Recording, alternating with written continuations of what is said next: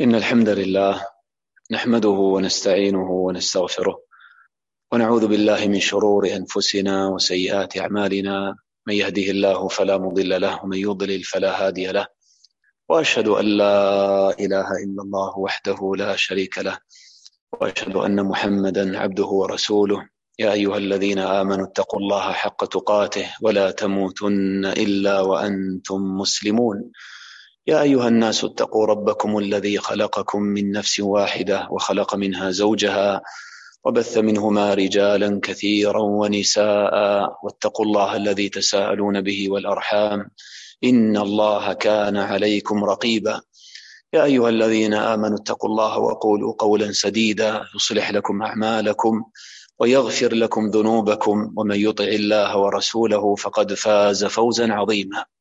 أما بعد فإن أصدق الحديث كتاب الله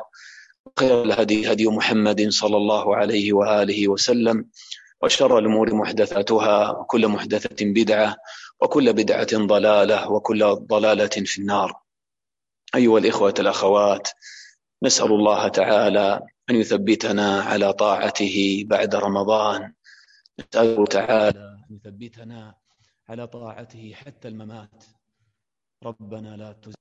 ربنا بعد إذ هديتنا وهب لنا من لدنك رحمة إنك أنت الوهاب هذا دعاء الراسخين في العلم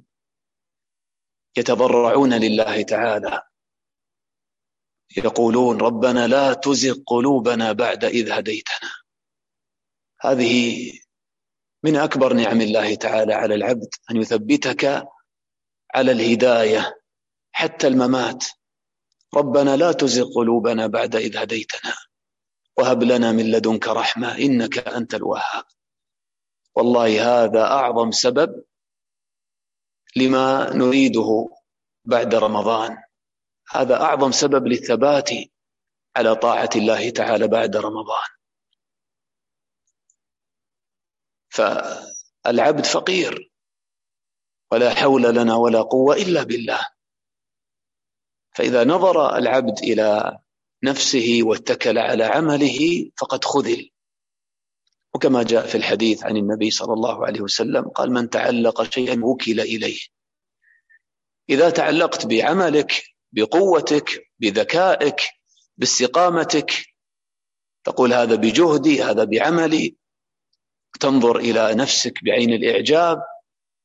وأنا فعلت وقمت وصليت وصمت فهذه علامة الخذلان إذا لم يكن عون من الله للفتى فأول ما يجني عليه اجتهاده كان نبينا صلى الله عليه وسلم يكثر من هذا الدعاء اللهم يا مقلب القلوب ثبت قلبي على دينك اللهم يا مصرف القلوب صرف قلبي على طاعتك وقال لمعاذ بن جبل رضي الله عنه يا معاذ إني أحبك فلا تدعن دبر كل صلاة أن تقول اللهم أعني على ذكرك وشكرك وحسن عبادتك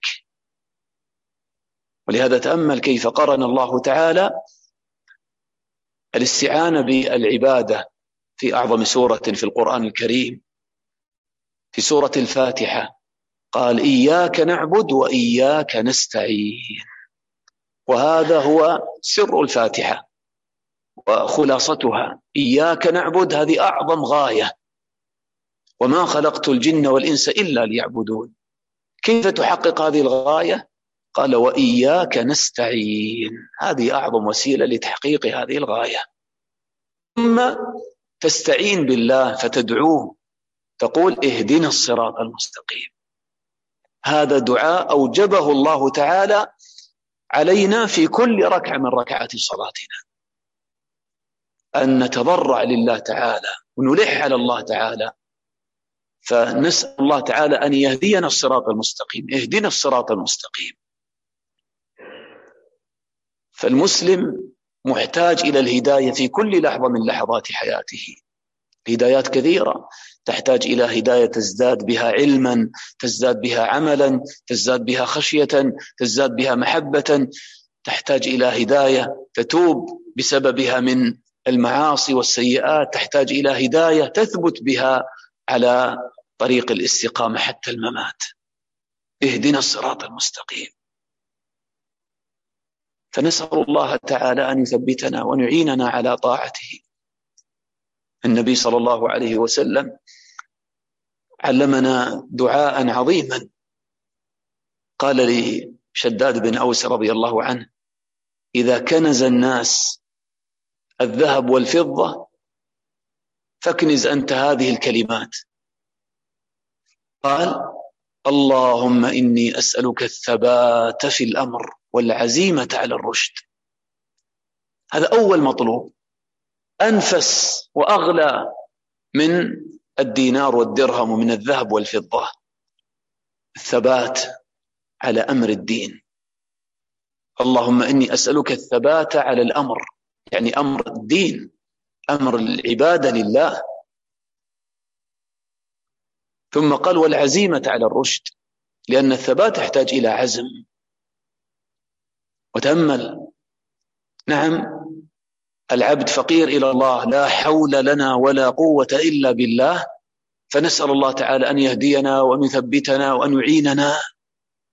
لكن هذه المعونه من الله انما تنزل على العبد نعم ابتداء هو محض فضل الله على العبد ولولا فضل الله عليكم ورحمته ما زكى منكم من احد ابدا ولكن الله يزكي من يشاء لكن الله تعالى بعدله ولطفه وحكمته ربط المسببات باسبابها فمن اراد هذا الطريق لابد ان يبذل لابد ان يعمل لابد ان تكون عنده عزيمه من حديد فالمعونه تنزل من الله على عبده بقدر المؤنه كما جاء في بعض الاثار المعونة تنزل على العبد بقدر المؤنة يعني بقدر ما يبذل بقدر عزيمته ولهذا تأمل كيف جمع النبي صلى الله عليه وسلم بين الثبات على الأمر ومن أعظم أسباب الثبات العزيمة على الرشد والعزيمة على الرشد يكون عند الإنسان همة عالية وعزيمة قوية على فعل الطاعات ولهذا من أراد الراحة ترك الراحة وبقدر ما تتعنى تنال ما تتمنى لابد من البذل لأنك إن كنت صادقا في سؤال الله تعالى أن يثبتك على الطاعة لابد أن تبذل الأسباب التي تثبت بها على طاعة الله تعالى فلا بد أن تبذل ما عندك حتى يثبتك الله بل يزيدك من فضله في هذا الباب فماذا بعد رمضان هذا اعظم ما نريده بعد رمضان ان يثبتنا الله تعالى على طاعته وهذا لا يكون كما عرفنا الا بالافتقار الى الله اولا وأن تنظر إلى أن هذا فضل من الله تعالى عليك محض فضل الله عليك ثم أن تبذل ما تستطيع من عندك هذه علامة الهداية علامة القبول كما قال الله تعالى ويزيد الله الذين اهتدوا هدى قال الله تعالى والذين اهتدوا زادهم هدى واتاهم تقواهم انت في رمضان مقصود الصيام مقصود القيام تحقيق تقوى الله جل وعلا لعلكم تتقون الان بعد رمضان تزداد من التقوى رمضان ليست نقطة أو ليس نقطة نهاية بل رمضان هو الانطلاقة في حياة المؤمن ليس هو النهاية وبعد رمضان يرجع الإنسان إلى ما كان عليه من الكسل والنوم والمعاصي لا بالعكس تماما بالنسبة للمؤمن المهتدي حقا رمضان هو النقطة للانطلاقة في هذه الدنيا أن ينطلق إلى معارج الإيمان ومدارج الإحسان حتى يصل الى اعلى درجات العبوديه ان تعبد الله كانك تراه ان هذه علامه القبول هذه علامه الهدايه الحقيقيه والذين اهتدوا زادهم هدى واتاهم تقواهم ولهذا كان النبي صلى الله عليه وسلم يقول في دعائه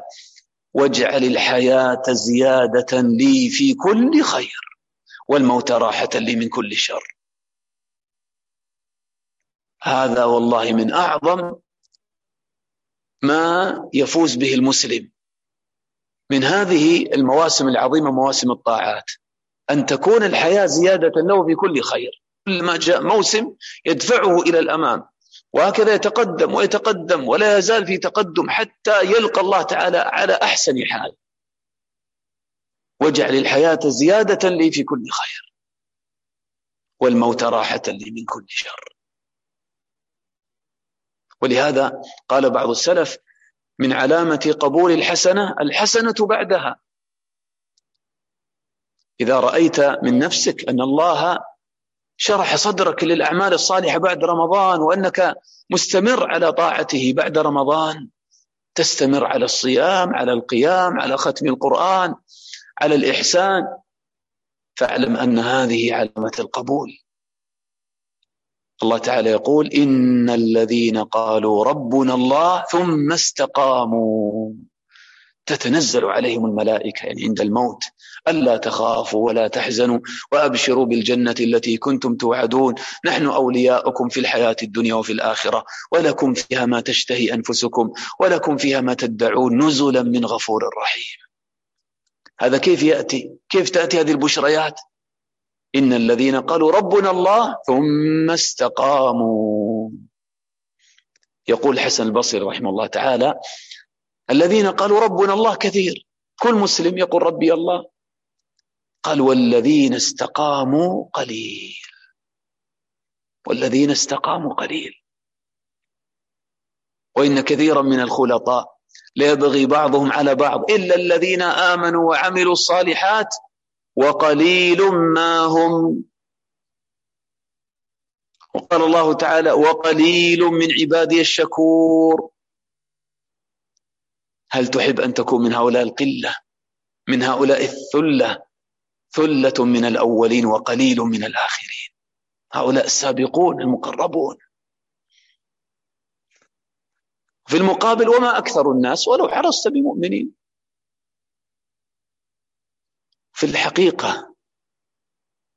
الحال بعد رمضان مؤسف ومحزن وأنا أقول هذه الكلمة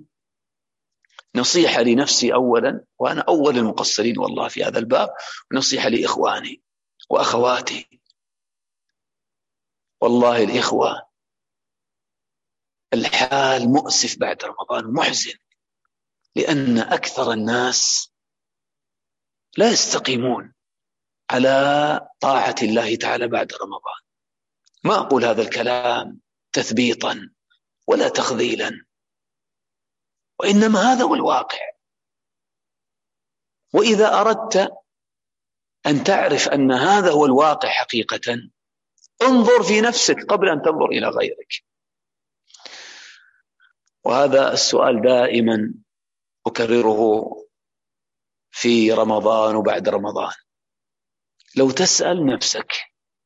كل واحد من الآن منا يحاسب نفسه يسأل نفسه من رمضان الماضي إلى رمضان الحالي في السنة الماضية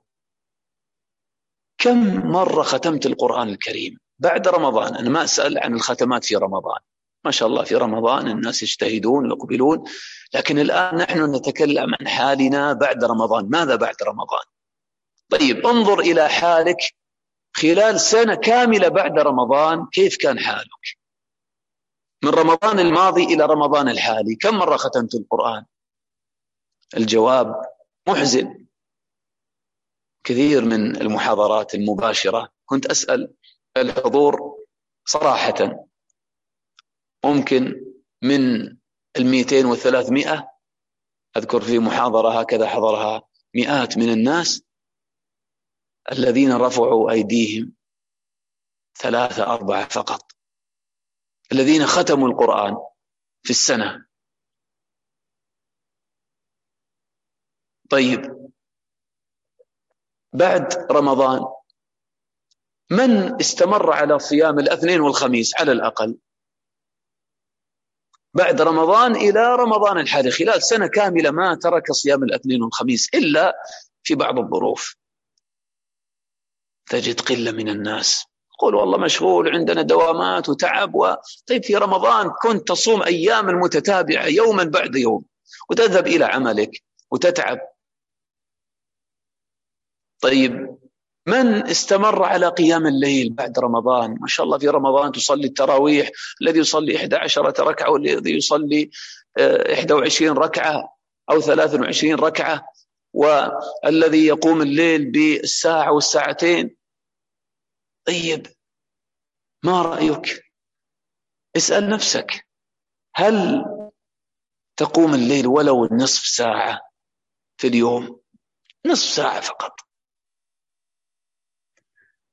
لما تنظر إلى حالك إلى حال كثير من الناس الجواب لا لا لا لا إلا من رحم الله نعم الخير موجود الحمد لله في إخواننا وأخواتنا جزاهم الله خيرا لكن بصراحه هذا حال اكثر الناس اكثر الشباب والفتيات والكبار والصغار للاسف لماذا ما السبب هل نعجز حقا ان نختم القران يعني في الشهر مره هذا ليس بعجز الاخوه لان ختم القران في الشهر مره واحده معنى هذا أنك تقرأ في اليوم نصف ساعة فقط من القرآن الكريم نصف ساعة الواحد منا انظروا كيف يضيع أوقاته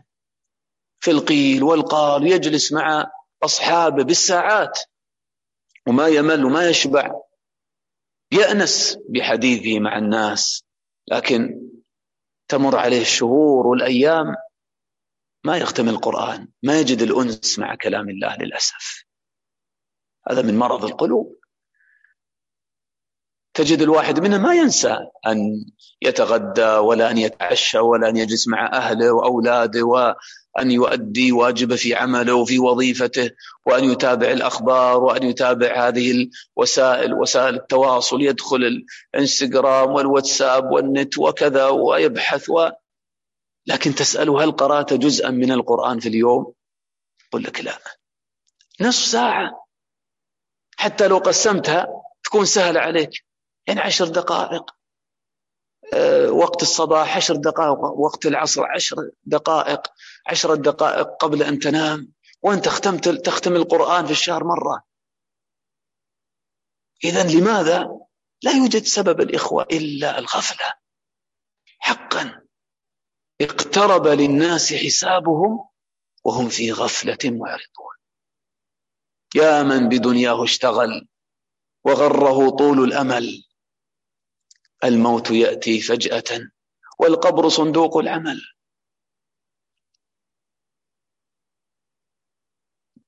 ذرهم يأكلوا ويتمتعوا ويلههم الأمل فسوف يعلمون المسلم يرضى بنفسه ان تكون حاله كحال الكفار الذين يلهيهم طول الامل في حب الدنيا والشهوات لكن هذا هو الواقع كما قال النبي صلى الله عليه وسلم لا يزال قلب الكبير شابا في اثنتين حب الدنيا وطول الامل هذا الذي صد اكثر الناس ما الذي شغلهم عن كتاب الله ما الذي شغلهم عن العلم النافع عن تعلم احاديث النبي صلى الله عليه وسلم عن تعلم القران الكريم ما الذي شغلهم عن العباده وقيام الليل وصيام النهار الا الدنيا يقول لك انا عندي وظيفتي عندي عملي عندي اشغالي وهكذا لا يشبع من الدنيا يا ايها الناس ان وعد الله حق فلا تغرنكم الحياه الدنيا ولا يغرنكم بالله الغرور احذر من الشيطان في شهر رمضان الشياطين كانت مصفدة صفدت الشياطين تخيل الآن الشيطان مصفد شهر كامل ويراك وأنت تقوم الليل وتصوم النهار وتختم القرآن قد امتلأ غيظا امتلأ حقدا كيف سيكون حاله بعد رمضان وقد فك آه، أسره سينطلق انطلاقا شديدا لإغواء الناس وهكذا تردى كثير من الناس في مصائد الشيطان بعد رمضان إلا من رحم الله والله الإخوة كم سيخسر الانسان سيندم على هذه الغفله يعني اذكر دائما هذا المثال قل تخيل هذا الذي استمر على طاعه الله بعد رمضان ولو قليلا النبي صلى الله عليه وسلم ماذا يقول احب العمل الى الله ادومه وان قل وان قل أما أقول لك أختم القرآن في كل ثلاثة أيام مرة ولا في كل أسبوع مرة لو في الشهر مرة تخيل هذا الذي يختم القرآن في كل شهر مرة استقام على ختم القرآن بعد رمضان قال الحمد لله أنا ختمت القرآن ثلاث مرات خمس مرات في شهر رمضان على الأقل ما أترك كلام ربي حتى يكون بيني وبين الله صلة ومحبة أقرأ كلام الله نعم الحمد لله ما نسيت نصيبي من الدنيا أجلس مع أهلي وأدي واجبي في وظيفتي وأجلس مع أصدقائي لكن نصف ساعة ما تأخذ من حياتي شيئا فاستمر على ختم القرآن يختم القرآن في كل شهر مرة ويقوم الليل يصلي من الليل نصف ساعة ممكن يصلي خمس ركعات 11 ركعة في نصف ساعة سهل ويصوم الاثنين والخميس مثلا هل فعل شيئا آه، كبيرا او آه، شاقا لا حالك حل اكثر الناس لكن انظر انتبه فقط من غفلته واستمر على طاعته لله تعالى بتوفيق من الله انظر الان بين هذا الذي استيقظ واستمر على الطاعه وبين الغافل انظر كم ما بينهما من الاجور والحسنات تخيل هذا يختم القرآن في كل شهر مرة وهذا ما يختم القرآن أبدا تمر عليه سنة كاملة ما يختم القرآن يمكن مرة واحدة في رمضان فقط طيب هذا الآن كم مرة ختم القرآن مرت عليه آه، السنة 11 شهرا ختم فيها القرآن 11 مرة وجاء رمضان مثلا أكيد إذا جاء رمضان وهو يختم القرآن في كل شهر مرة سيقول لا هذا شهر القرآن هذا سيحفزه وسيشجعه على ان يختم القران اكثر من ختم ممكن يختم ثلاث اربع ختمات قل هذا ممكن يختم القران خمسه عشره مره في السنه وهذا يختم القران مره واحده والنبي صلى الله عليه وسلم يقول من قرأ حرفا من كتاب الله فله حسنة والحسنة بعشر أمثالها لا أقول ألف لام ميم حرف ولكن ألف حرف ولام حرف وميم حرف يعني كم سيكون ما بينهما الختمة الواحدة كم فيها من الحسنات هم يحسبون قد حسبوا عدد أحرف القرآن الكريم كم حرف موجود اضربه في عشرة ضع لك بالملايين ثلاث ملايين خمس ملايين الله أعلم والله يضاعف لمن يشاء تخيل هذا في كل ختمة فانظر إلى الفارق العظيم بينهما هذا تخيل لو كان يصلي في الليلة خمس ركعات فقط وهذا ما يصلي خلاص ترك قيام الليل النبي صلى الله عليه وسلم قال لعبد الله بن عمرو يا عبد الله لا تكن مثل فلان كان يصلي من الليل فترك قيام الليل النبي صلى الله عليه وسلم حذر من هذا لا تكن مثل فلان كان يصلي من الليل فترك قيام الليل تخيل الآن هذا ما فعل آه، شيئا شاقا في الليل قبل أن ينام صلى خمس ركعات ما تأخذ معه ربع ساعة نصف ساعة فقط قرأ فيها شيئا من كتاب الله تعالى حتى الختمة يجعلها في هذه الركعات يقرأ نصف جزء أو ربع جزء بخشوع وتلاوة وينام إذا ما كان يستطيع أن ينام أن يقوم آخر الليل مثلا أو كان يقوم قبل الفجر بنص ساعة يصلي ويذهب إلى صلاة الفجر تخيل هذه خمس ركعات تضربها في 360 يكون صلى تقريبا أكثر من 1500 ركعة الله أكبر وهذا نائم ما صلى شيئا يعني لو قيل لك صلي ألف ركعة تقول هذا كثير لكن انظر كيف على مر السنوات على مر ما أقول سنة على مر سنوات كم ستكون الركعات التي صليتها إذا استقمت بعد رمضان كم يوم ستصوم إذا كنت تصوم الاثنين والخميس والأيام البيض في كل شهر أقل شيء ستصوم في الشهر عشرة أيام يعني ستصوم أكثر من آه، يعني مئة يوم في السنة وهذا ما صام شيئا انظر الى العمل اليسير القليل كيف بركته ثم ليست المساله مساله حسنات وان كانت هذه امره عظيم فمن يعمل مثقال ذره خيرا يره ومن يعمل مثقال ذره شرا يره ماذا سيتمنى الانسان غدا يوم القيامه ماذا سيتمنى تفر من اقرب الناس اليك يوم يفر المرء من اخيه وأمه وأبيه وصاحبته وبنيه لكل امرئ منهم يومئذ شأن يغنيه كل يقول نفسي نفسي يومئذ يتذكر الإنسان وأن له الذكرى يقول يا ليتني قدمت لحياتي علمت نفس ما قدمت وأخرت علمت نفس ما أحضرت يوم ينظر المرء ما قدمت يداه إذا لماذا ما تعمل غدا والله تتمنى انك لو زدت من الحسنات في الدنيا يوم تجد كل نفس ما عملت من خير محضرا وما عملت من سوء تود لو ان بينها وبينه امدا بعيدا ويحذركم الله نفسه والله رؤوف بالعباد فاذا علينا ان نعمل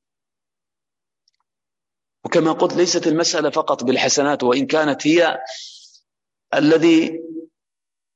يتمناه الإنسان في الآخرة ما يتمنى إلا زيادة الحسنات والبعد عن السيئات لكن أيضا هذه الأعمال الصالحة التي تداوم عليها يوما بعد يوم تقرأ القرآن في كل يوم تختم لك جزء من القرآن في في كل شهر تختم لك القرآن ختمة كاملة ثم تزيد وتزيد ممكن بعد ذلك تختم القرآن في كل عشرة أيام في كل أسبوع أتظن أن هذه الختمات لا تؤثر في قلبك لو أنزلنا هذا القرآن على جبل لرأيته خاشعا متصدعا من خشية الله أتظن أن قيام الليل هذا ولو كانت ركعات معدودة لكن أتظن أنها لن تؤثر في صلتك مع الله وهذه الصلاة صلة بالله وأفضل الصلاة بعد الفريضة صلاة الليل أتظن أن هذا السجود بين يدي الله طواعية من نفسك أنت رغبة من نفسك الفريضة فريضة لابد أن تؤديها لكن أنت لما تقوم تؤدي هذه الصلاة برغبة من نفسك وشوق في قلبك تريد أن تتقرب إلى الله بهذه الركعات بقيام الليل وتدعو الله تعالى وتطيل السجود شيئا أتظن أن هذا لن يؤثر في علاقتك مع الله الله ستزداد حبا وشوقا للقاء الله أتظن أن هذا الصيام المتكرر في الأسبوع ولو يومين ما يؤثر في نفسك يهذب أخلاقك يهذب آه، نفسك وزكيها من الشهوات تستمر التزكية بعد رمضان فهذا أمر عظيم إن كنت تريد أن ترتقي بإيمانك عليك بالاستمرار في طاعة الله تعالى والله غدا يوم القيامة سيتحسر الإنسان الغافل أشد الحسرة على رجوعه إلى غفلته بعد مواسم الخير من الناس والعياذ بالله من يرجع إلى معصية الله كان قد صبر نفسه في شهر رمضان لكن والعياذ بالله لماذا لا يوفق بعد رمضان في نفسه دسيسة سوء وهو في رمضان يقول متى ينتهي رمضان حتى أرجع حتى أرجع إلى الدخان أرجع إلى الخمر أرجع إلى الزنا أرجع إلى المسلسلات أرجع إلى الأفلام أرجع إلى المحرمات فما إن ينتهي من رمضان إلا ويرجع ينكص على عقبيه وبعضهم نعم ممكن يرجع إلى ما اعتاد عليه من المعاصي لكنه يرجع الى غفلته لا قيام ليل ولا صيام نهار ولا ختم قران رجع الى حياته حياه الغفله هذا الله تعالى تاملوا من رحمه الله بعباده ومن محبه الله لعباده ان يستمروا على طاعته جل وعلا ضرب لهم مثلا في هذه الحاله حالة الرجوع إلى الغفلة إلى السيئات بعد فعل الطاعات مثلا ضربه الله في القرآن كان الحسن البصري يقول في هذا المثل هذا مثل قل من يفهمه من الناس حتى بعض الصحابة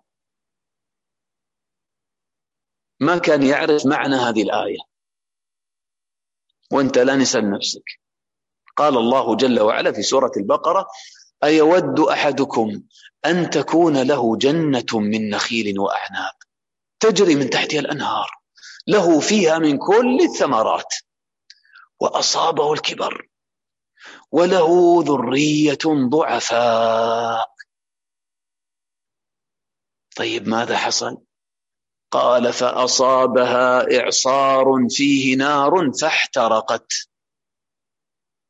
كذلك يبين الله لكم الآيات لعلكم تتفكرون إيش معنى هذه الآية؟ ثبت في البخاري أن عمر رضي الله عنه ذات يوم قال للصحابة في مجلسه ما تقولون في هذه الآية تلا عليهم هذه الآية قال ما تقولون فيها في من نزلت هذه الآية واحد عنده جنة فيها من كل الثمرات ونخيل وأعناب وتجري من تحتها الأنهار وكان قد أصبح شيخا كبيرا أصابه الكبر وله ذرية ضعفاء ادخر هذه الجنة لأولاده الضعفاء الذين لا يستطيعون أن يتكسبوا ولا أن يعملوا وفجأة فأصابها إعصار فيه نار فاحترقت إيش معنى هذه الآية فقال الصحابة رضي الله عنهم الله ورسوله أعلم فغضب عمر يعني كيف آية من القرآن ما تعلمون معناها أين تدبر القرآن فقال عبد الله بن عباس رضي الله عنهما ترجمان القرآن قال في نفسي منها شيء أمير المؤمنين قال قل يا ابن أخي ولا تحقر نفسك فقال ضربت مثلا لرجل قال لرجل عمل بطاعة الله ثم بعث الله عليه الشيطان قال فعمل بمعصية الله فأغرق أعماله هذا حال الإنسان الذي يعمل بطاعة الله في رمضان ثم يعود إلى السيئات بعد رمضان كيف ذلك؟ أيود أحدكم أن تكون له جنة من نخيل وأعناب تجري من تحتها الأنهار له فيها من كل الثمرات هذه جنة ماذا؟ جنة الطاعات جنة الحسنات التي زرعتها في شهر رمضان جنة من الحسنات من الطاعات من الايمان طيب واصابه الكبر وله ذريه ضعفاء فاصابها اعصار فيه نار فاحترقت كيف يكون حال هذا الشيخ في هذه الحاله تخيل هذا الشيخ يعني حياته كلها كد ليله ونهاره وهو يصلح هذه الجنه وجعلها لأولادهم ضعفاء الصغار ما يستطيعون أن يعملوا ولا أن يتكسبوا يعني هذه رأس ماله في الدنيا مالة غير هذه الجنة وإذا بإعصار ينزل من السماء يحرق الجنة والشيخ خلاص في نهاية عمره وأولاده مساكين سيضيعون ما لهم شيء وكل الأعمال أو الجهد الذي بذله في هذه الجنة ذهب سدى تخيل كيف ستكون حالة هذا الإنسان يموت من الكمد والألم والحسرة والألم يموت قال لك هذا هو حال العبد يوم القيامة إذا وقف بين يدي الله ورأى ان السيئات كثرت على الحسنات التي زرعها في زمن الطاعات فاحرقت هذا البستان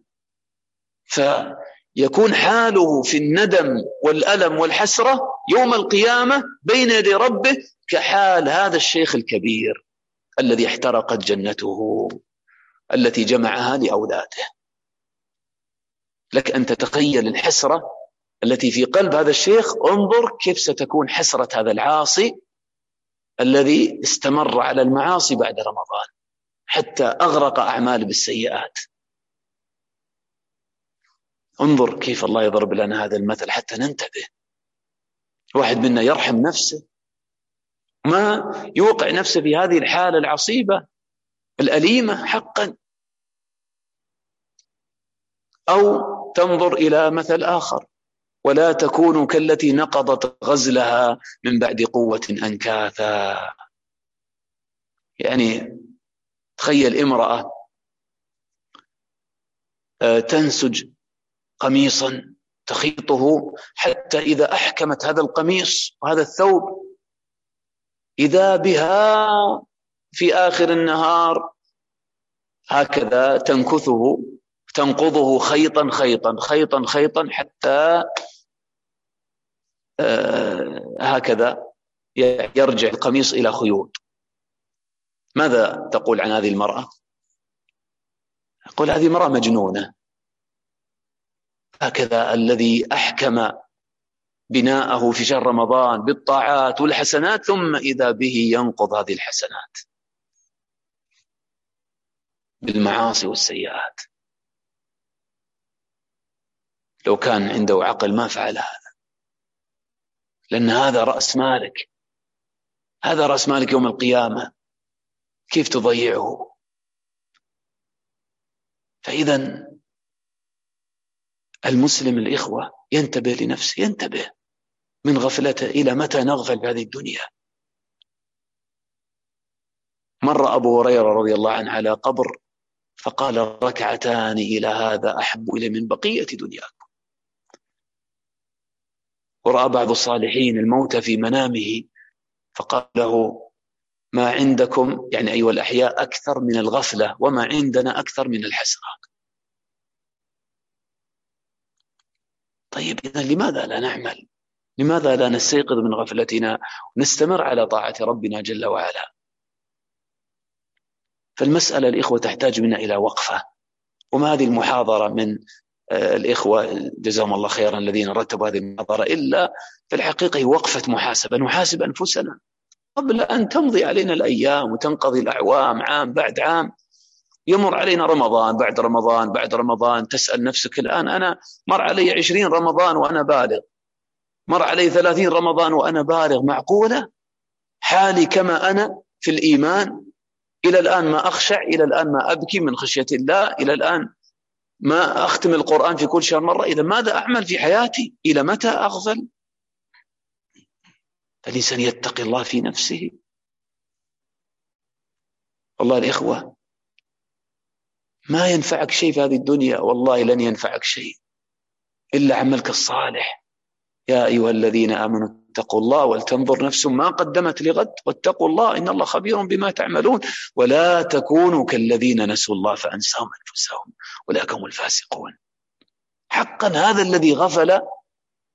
عن الطاعة بعد رمضان هذا نسي نفسه كيف ينسى الإنسان نفسه؟ نعم نسي مصلحة نفسه الحقيقية فإن مصلحتك الحقيقية ليست في المال ليست في التجارة ليست في العقارات ليست في المباريات ليست في اللعب ليست في اللهو ليست في النساء ليست في المخدرات ليست في الأغاني والموسيقى ليست في المسلسلات مصلحتك الحقيقية ليست في الترقيات في الشهرة في الراتب العالي ليست في الملك ليست في الجاه مصلحتك الحقيقيه في انسك بالله في عملك الصالح في محبتك لله والله اعظم الخساره اعظم الغبن ان يخرج الانسان من هذه الدنيا وما ذاق حلاوه الايمان ما ذاق حلاوه القرب من الله كما قال بعض السلف مساكين اهل الدنيا خرجوا منها وما ذاقوا احلى ما فيها قيل له وما احلى ما فيها قال ذكر الله او معرفه الله محبه الله جل وعلا هذا احلى شيء في الدنيا ولهذا النبي صلى الله عليه وسلم كان يقول وأسألك لذة النظر إلى وجهك والشوق إلى لقائك ما تطيب الجنة إلا برؤية الله وما تطيب الدنيا إلا بالشوق للقاء الله الله أكبر أين أنت من هذه الحياة انظر في حال النبي صلى الله عليه وسلم كيف كان يقوم الليل حتى تتورم قدمان وعندما يسأل يقول أفلا أكون عبدا شكورا يعني يتمتع بقيام الليل أفلا أكون عبدا شكورا أتمتع بالعبودية لله أنا أريد أن أكون عبدا لله شاكرا لله ولهذا كان بعض السلف يقول أدركت أقواما كانوا يستحيون من طول الضجعة بالليل ربك جل جلاله ينزل إلى السماء الدنيا كما يليق بجلاله حين يبقى ثلث الليل الآخر ويقول هل من داع فأستجيب له هل من سائل فأعطيه هل من مستغفر فأغفر له وأنت نائم كيف يكون هذا أين الحياء من الله نعم هذا ليس بواجب لكن الذي اعتاد على قيام الليل في رمضان على الأقل يقوم ولو وقتا يسيرا قبل الفجر صلي ركعات لله والله هذا الذي سينفعك الجنيد رحمه الله رؤي بعد موته فقيل له ماذا فعل الله بك فقال رحمه الله ذهبت العبارات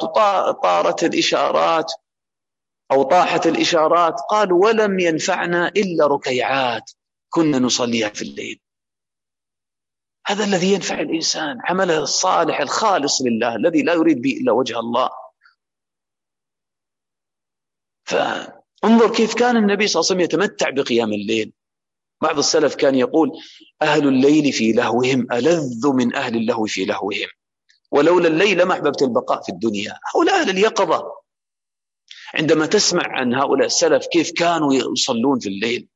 كانوا قليلا من الليل ما يهجعون وبالأسحار هم يستغفرون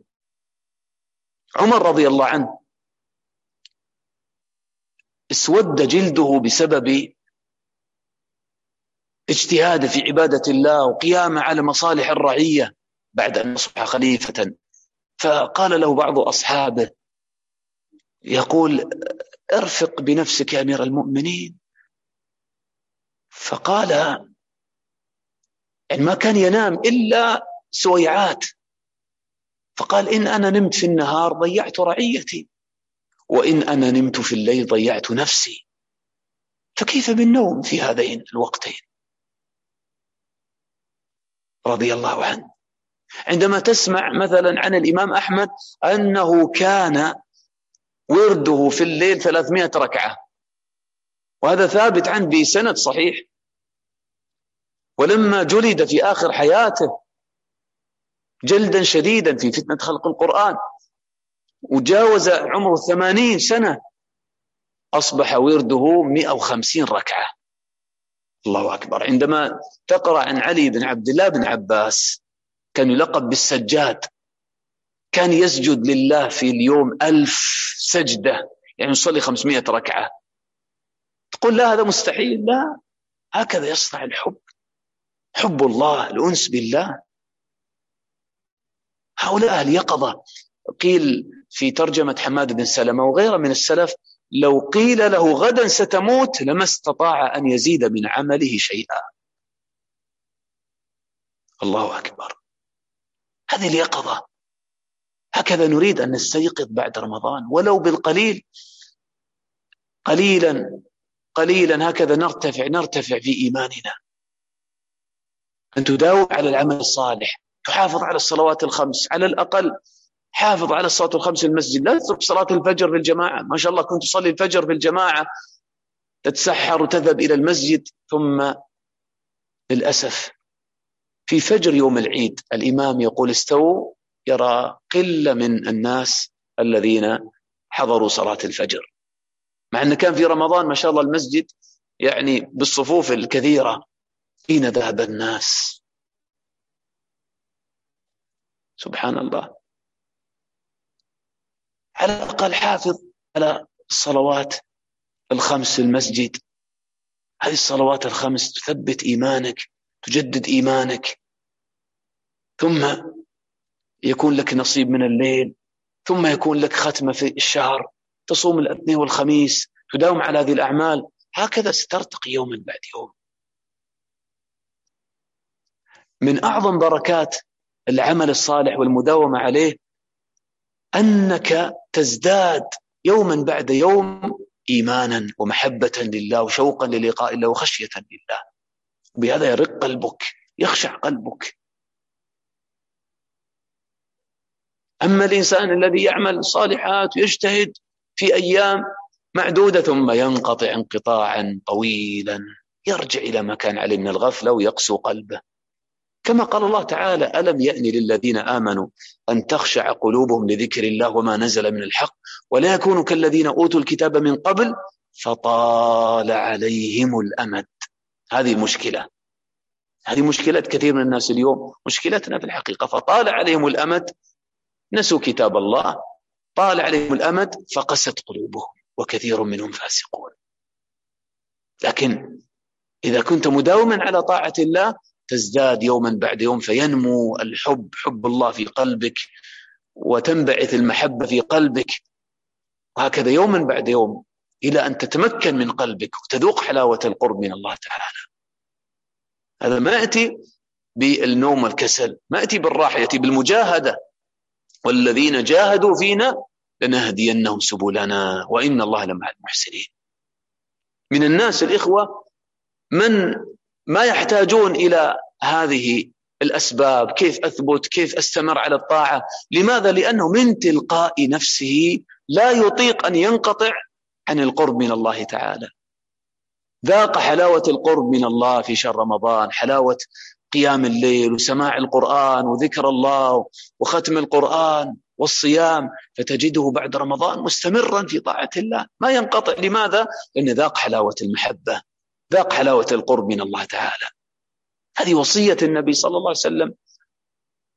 لما قال له سفيان بن عبد الله يا رسول الله قل لي في الإسلام قولا لا أسأل عنه أحدا غيرك قال قل آمنت بالله ثم استقم ثم استقم وصية جامعة فإذا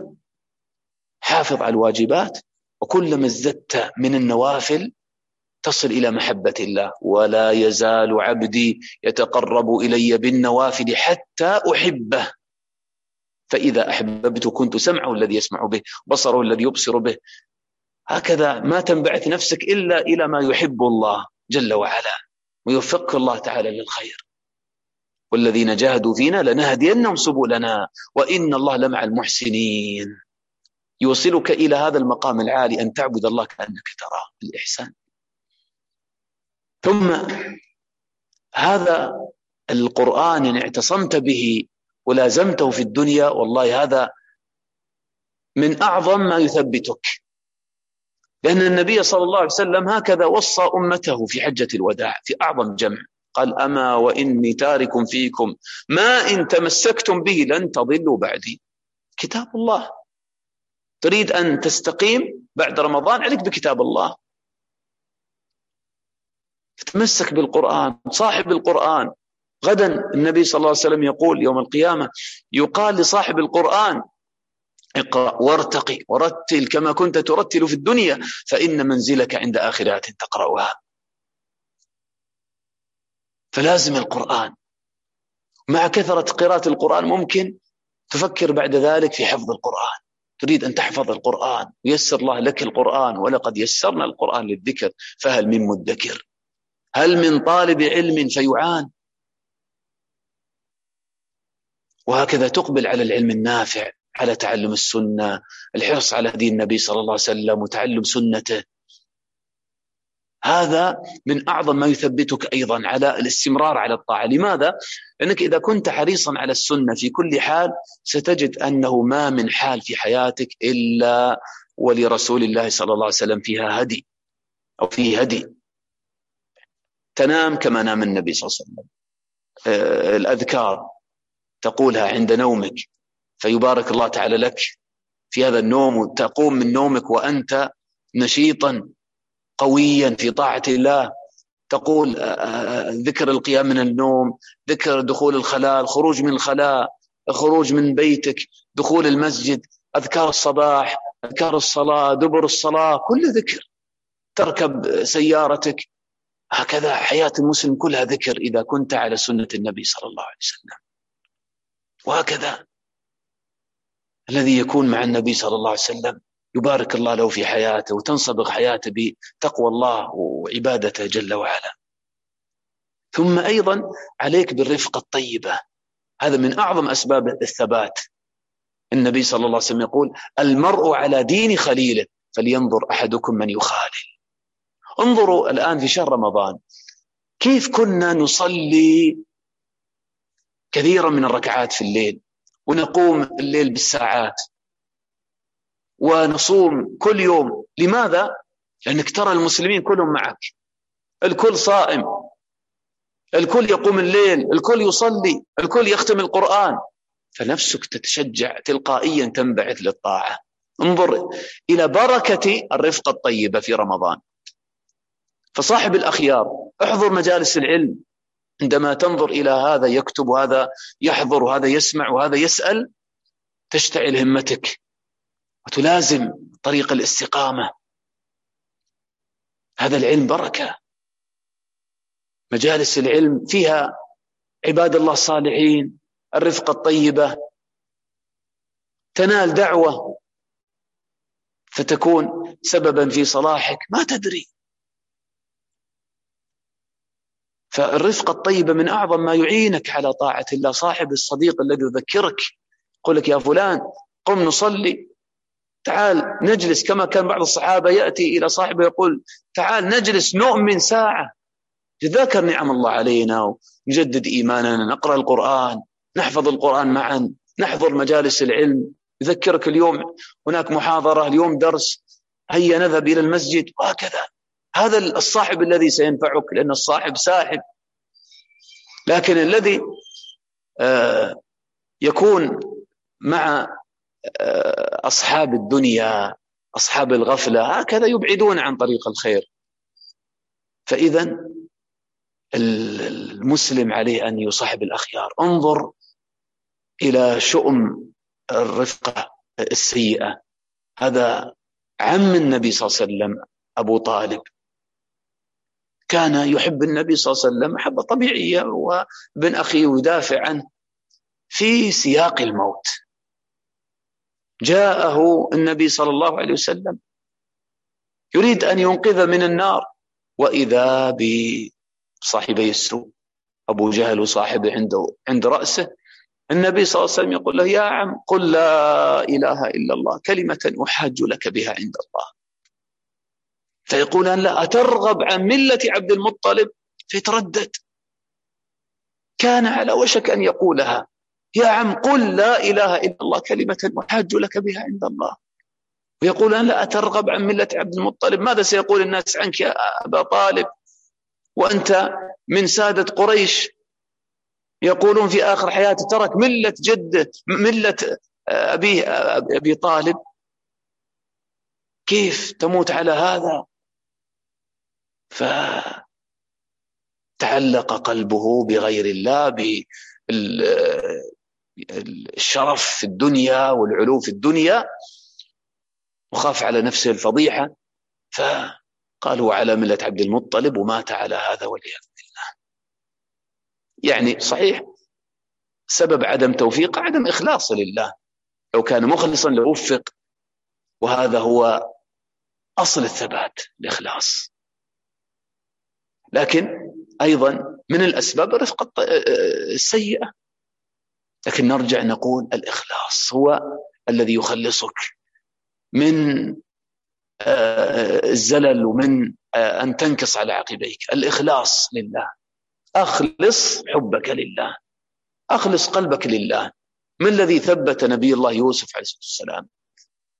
عندما اجتمعت عليه دواعي المعصيه وراودته التي هو في بيتها عن نفسي وغلقت الابواب وقالت هيت لك وشاب وعزب وهي امراه ذات منصب وجمال وتدعوه وهما في مامن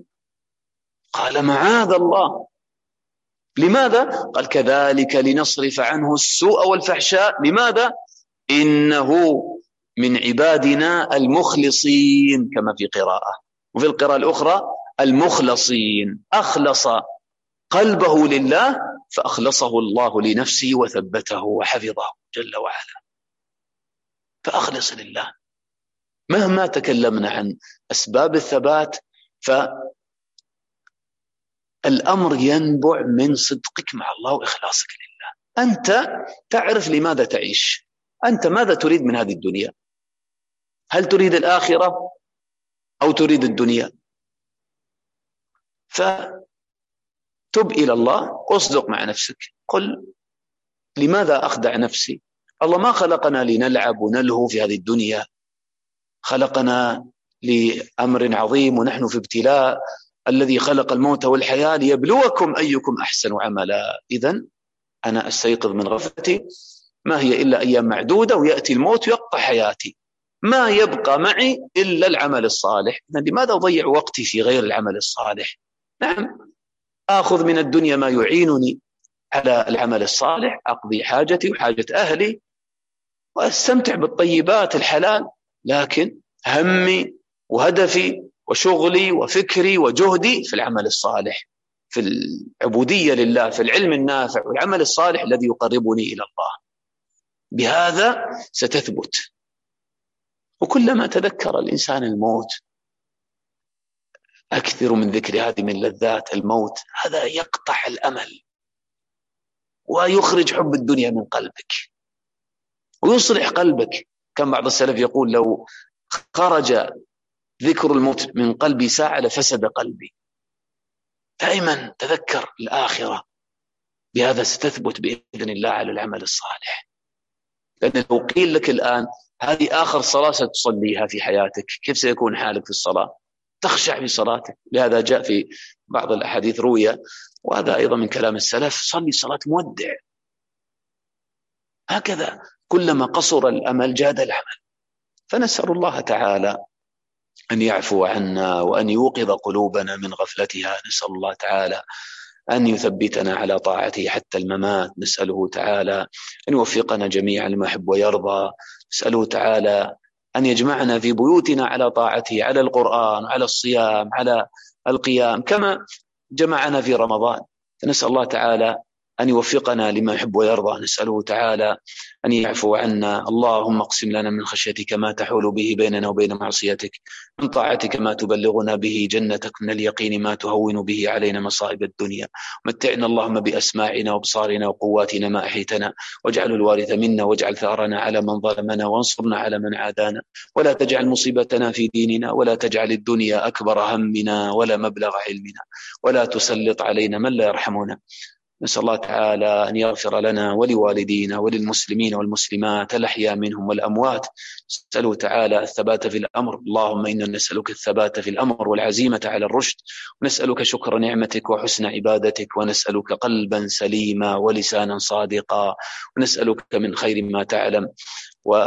نعوذ بك من شر ما تعلم ونستغفرك لما تعلم انك انت علام الغيوب نسال الله تعالى ان يغفر لنا ويرحمنا وان يتوب علينا والحمد لله رب العالمين صلى الله وسلم على نبينا محمد وعلى آله وصحبه أجمعين الله خيرا شيخنا وأحسن الله إليكم آه، ممكن نطرح عليك سؤال سؤالين شيخنا الله يحفظكم الله يسلمكم شيخنا الله يحفظكم السؤال الأول آه، السلام عليكم ورحمة الله وبركاته أنا آه، حاليا أنا اخترت إنهاء يومي بصلاة الشفع والوتر بعد صلاة العشاء على طول عادي ولا لازم ولا واجب التأخير لنصف الليل طبعا جائز ومن صلى بعد صلاة العشاء الشفع والوتر جزاه الله خير هذا خير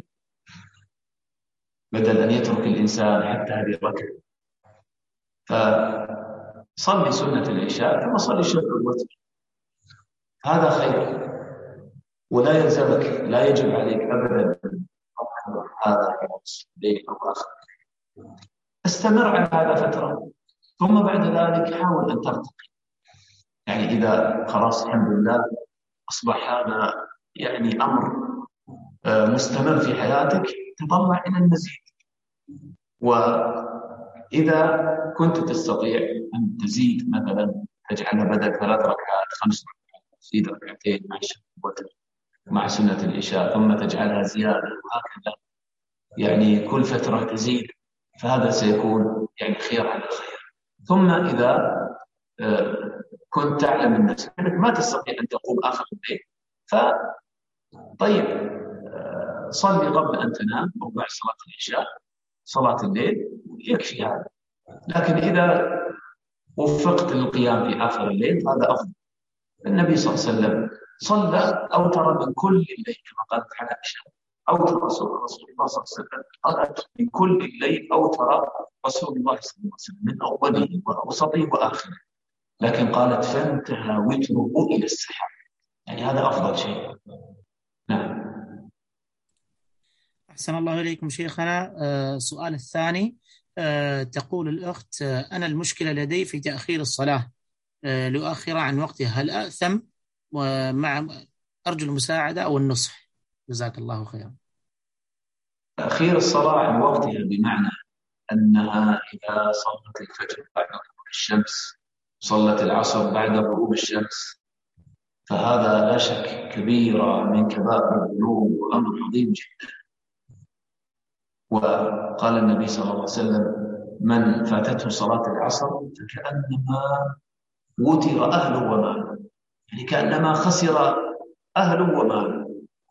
تخيل يعني هذه المصيبة والله لو كنا نفقه لما تجرأ الواحد منا أن يضيع صبره يعني تخيل أنت راجع من عملك نسأل الله السلامة والعافية لكن يعني تخيل إنسان رجع من عمله وإذا به أهل كلهم موتى صابهم حادث وماتوا جميعا خسر احترق بيته كله لا مال لا أهل لا شيء يا لطيف يعني كيف سيكون حالك تخيل ان الضيق طيب صار في عصر وقتها كمان حقيقه حاله وهو لا يشعر رأفه مسكين فاذا يعني هذا اثم كبير لا شك عليك ان تتوب الى الله تعالى وتقضي لكن اذا كانت تقصد انها تؤخر الصلاه عن اول الوقت يعني مثلا آه، يعني تؤخر صلاه الفجر الى قبل طلوع الشمس بربع ساعه بثلث ساعه تؤخر آه، صلاه الظهر إلى الساعة الثانية الساعة الثالثة تؤخر صلاة العصر بعد الأذان بساعة بساعة ونصف مثلا هذا يعني ما يصل إلى التحريم جائز لكن هو خلاف الأفضل أفضل الصلاة يعني أفضل الأعمال على وقتها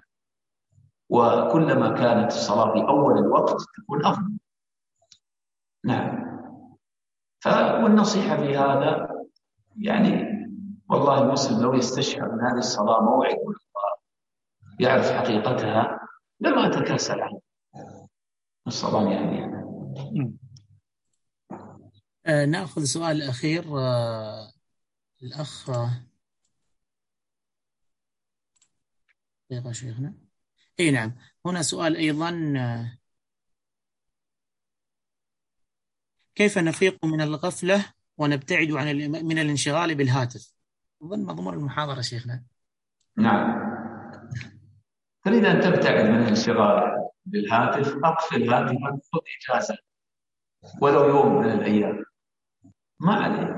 أو يعني عاهد نفسك أنك ما تستعمل الهاتف إلا آه، الضرورة مكالمات فقط المهمة وهكذا لا تنظر إلى يعني هذه الأمور وإن كنت يعني تريد حقا أن تكون حازما امسح كل البرامج قل علي شهر واحد ما بيقول شيء وشوف كيف حياتك ما تجعل الهاتف إلا مثلا برنامج القرآن فقط وبس هاتف فقط ل آه، يعني اتصالات مكالمات لا في واتساب ولا في نت ولا في شيء ابدا كله ممسوح وشوف جرب كيف ستعيش حياتك والله ممكن يعني آه، تستغل ساعات طويله كنت غافلا فجرب ولو يوم واحد أقول جرب يوم شوف كيف ستكون ف...